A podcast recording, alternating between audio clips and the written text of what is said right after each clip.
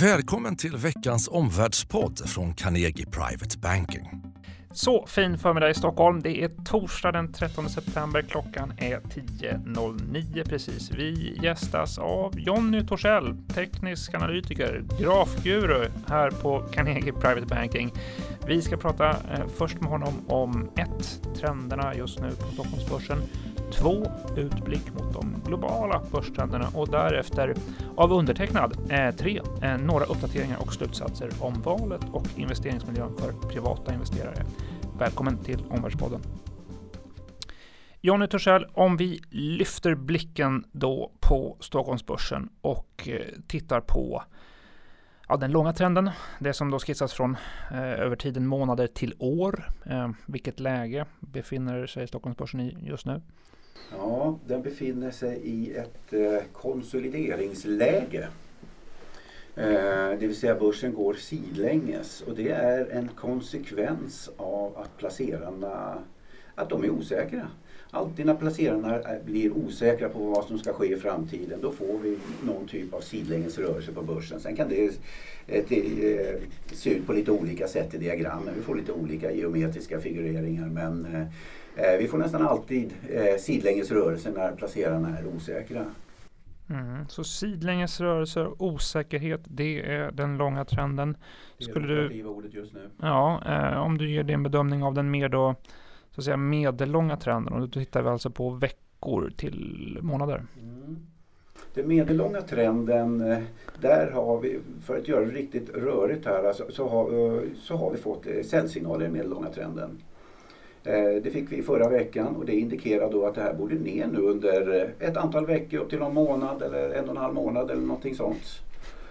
I linje med säsongsmönstret. Mm. Normalt sett har vi ett svagt säsongsmönster fram till mitten, slutet på oktober någonstans. Mm, just det. Konsolidering då är den långa trenden. Eh, säljsignal säger du på den medellånga trenden. Eh, hur bedömer du den korta trenden, det som då är dagar till veckor? Just det. Eh, det är, just nu så har börsen gått ner ungefär 9-10 dagar. Mm. Uh, och uh, gummisnoten som jag brukar uttrycka är ganska hårt spänd på nedsidan. Vi borde få en rekyl upp. Uh, och det är det som gör det här läget just nu så enormt divergerande eller splittrat. Mm. Därför att vi på medellång sikt så pekar det här ner. På kort sikt så pekar det upp. På lång sikt så går det åt sidan. Så det, är, det är ett eh, riktigt rörigt läge just nu. Mm. Eh, splittrad bild så är det nästan tre tankar investeraren får hålla huvudet samtidigt här. Mm. Hur tycker du att investeraren ska agera då i den här allting, miljön? Allting hänger ju naturligtvis på vilken placeringshorisont man har. Mm. Eh, jag menar, är man kortsiktig swing trader och agerar i ett perspektiv på två till fem dagar, men då ska man börja ha fokus på köp ja, men en placerare som agerar i ett medellångsiktigt perspektiv, ja men då kanske man ska vara lite försiktig just nu. Mm. Eh, och börja, ja, i, i tron då att det här kanske kan gå ner lite grann. Ja, men en långsiktig placerare, nej men nu sitter man på händerna mm. eh, och gör ingenting till dess vi vet vart det här ska ta vägen någonstans. Mm. Ska det här bryta ut på uppsidan eller ska det bryta ut på nedsidan av den här långa konsolideringen? Mm. Därför att skulle vi få det här utbrottet på uppsidan då tror jag att det här kan leda till att vi får en uppgång på kanske 10 till 15 procent eller något sånt där på Stockholmsbörsen under de kommande 3 till 9 månaderna. Mm. Skulle vi få utbrottet på nedsidan å andra sidan, ja men då kan vi få 10-20 procent under kanske samma tidsperiod. Mm. Eh, så det, och däremellan står vi just nu. Just det. Du använde uttrycket vid morgonmötet här i veckan eh, att nu dansa med marknaden. Mm. Eh, om du ska då ta den korta slutsatsen eh, ja, utifrån precis. den här splittrade bilden. Yeah. För att nu vet vi ju inte åt vilket håll det här, eller jag vet inte åt vilket håll det här ska bryta utåt. Eh, och vad, vad, gör man då i de här situationerna? Vi vet med en till visshet gränsande sannolikhet att det kommer en kraftig rörelse. För det brukar det nästan alltid göra när vi har sådana här långa perioder av konsolideringar. Det vi inte vet mm. det är ett, när vi ska få den här rörelsen. Eller två, åt vilket håll. Så hur löser vi då det här dilemmat? Jo, det löser vi på ett ganska enkelt sätt. Det är, vi låter marknaden visa vägen. Vi är följsamma med marknaden. Bryter det här ut på uppsidan då räknar vi med att den här volatilitetsbaserade rörelsen ska se, ske uppåt. Bryter ut på nedsidan, ja då räknar vi med att det här ska ske då på nedsidan. Mm. Så, så det är så jag agerar i det här, i, när man har de här situationerna. Just det, så viss försiktighet och låt marknaden ja. visa vägen här. Om vi går vidare då eh, och blickar utåt i geografi, bort från Stockholmsbörsen över Atlanten. Eh, din bild av status på de amerikanska börserna just nu? Mm. När man tittar på, eh, på USA-börsen just nu så ser det vid första anblicken så ser det starkt ut. S&P noterar högre bottnar och högre toppar. Nasdaq gör det så. Det vill säga vi befinner oss i en upptrend. Men, låter det som. Men precis, lyfter man på huven och kollar under lite grann, gör, eller gör en X-ray på det här, en röntgen på det här och tittar in. Vad sker bakom? Under huven så att säga. Eh, ja, men då händer det lite saker som, som gör att det inte ser lika starkt ut längre. Till exempel så konstaterar vi att eh, det, det är ett färre antal aktier som driver den här uppgången. Eh, man brukar kalla det bredden. Att bredden är svag. Eh, och när det är färre antal aktier som driver uppgången, ja, men då är det tecken på svaghet. Det ser man ofta vid långsiktiga toppar. Mm. Så det är ett, ett, ett litet varningstecken. Ett annat varningstecken jag ser det är att vi har gått upp och gjort en ny högre topp nu än den toppen vi hade den 26 januari i år. Mm. Men samtidigt är hastigheten mycket lägre nu än vad den är då.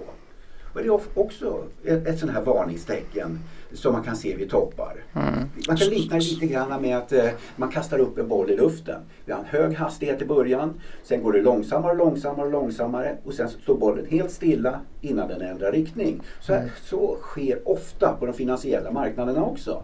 Det, det, går långsammare och långsammare uppåt. Sen står det stilla, det vill säga vi får konsolideringen och sen bryter ut upp på nedsidan. Mm. Så USA ser starkt ut men du saknar bredden och du ja, saknar precis. också en avtagande hastighet då i, ja, i uppgången här. Och det är lite varningssignaler. Mm, vi noterar detta och flyttar oss då från USA till de europeiska börserna till äh, tyska DAX-index äh, med mera med mera. Vad, hur står sig europeiska börser i förhållande till amerikanska? Svaga. Det oroväckande svaga. Tyska börsen ser jättesvag ut. Eh, och det här, det här blir lite rörigt. Och, och samtidigt eh, tittar på eh, Eurostox index. Så har vi konsolideringar där också. Vi har inte fått något utbrott åt något håll ännu. Men den underliggande trenden det ser ganska svagt ut i den här konsolideringen. Men det är precis samma sak här. Vi måste avvakta konsolideringarna för att se vart det här ska ta vägen någonstans. Mm. Men tittar jag bara på det i en ögonblicksbild, nej men det ser svagt ut. Mm. Någon känsla för utbrott uppåt eller ja, neråt? Min känsla är att jag har risk för utbrott på nedsidan. Risk? Mm. Eh, det där skulle man kunna fördjupa mycket, men för att hinna med också då den här globala utblicken så svänger vi på globen lite grann och tar oss mot Asien och Hongkongbörsen, Tokyobörsen. Vad, vad eh, status där? Eh, för att göra den här bilden riktigt, riktigt rörlig.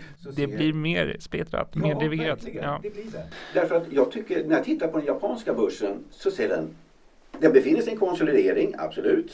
Men den konsolideringen eh, karaktäriseras av högre bottnar. Vilket brukar leda till ett utbrott uppåt. Så jag ser framför mig att eh, utbrott uppåt i Japan med kanske 5 till 10 procent, om vi nu får det utbrottet. Så här har vi alltså en situation där Stockholmsbörsen och Europa befinner sig i konsolideringar, ser ganska svaga ut. Europa befinner sig i en upptrend. USA upptrend?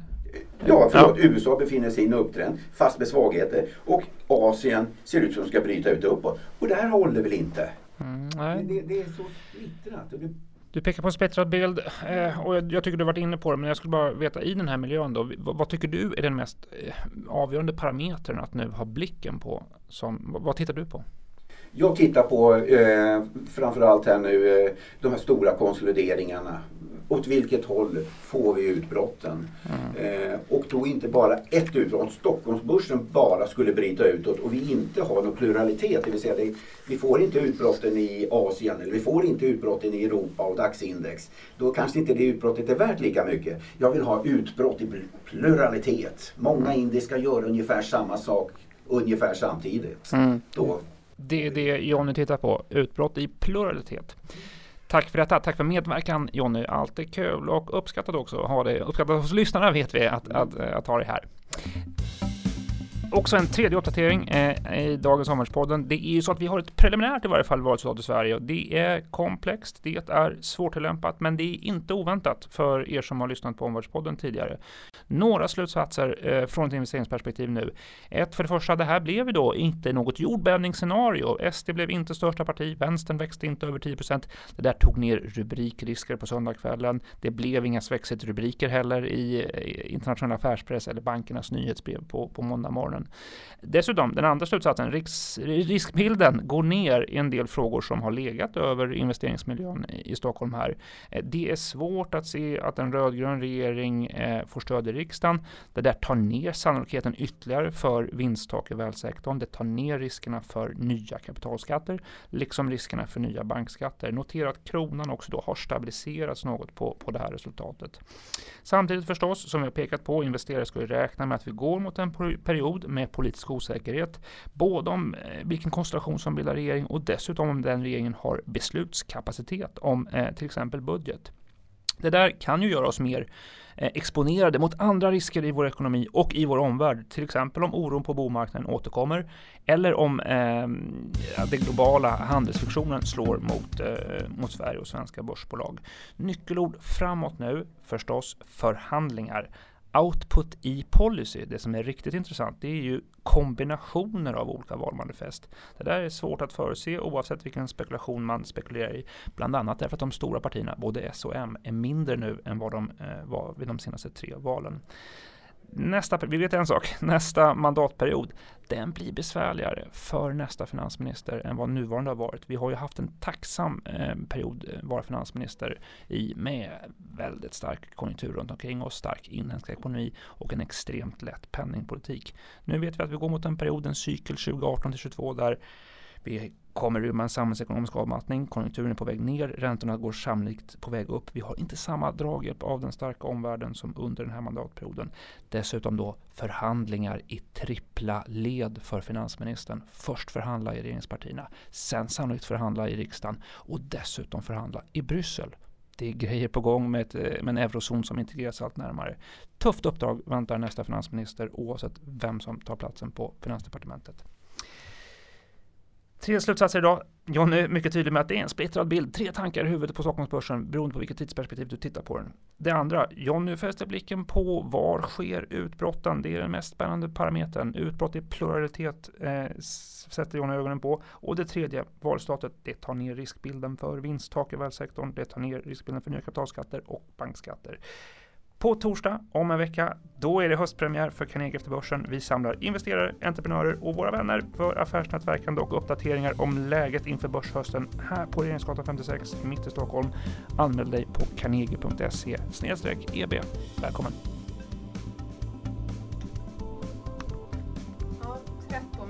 Tack för att du har lyssnat på Omvärldspodden från Carnegie Private Banking. Vill du veta mer om vad som händer i vår omvärld och få aktuella idéer till affärer?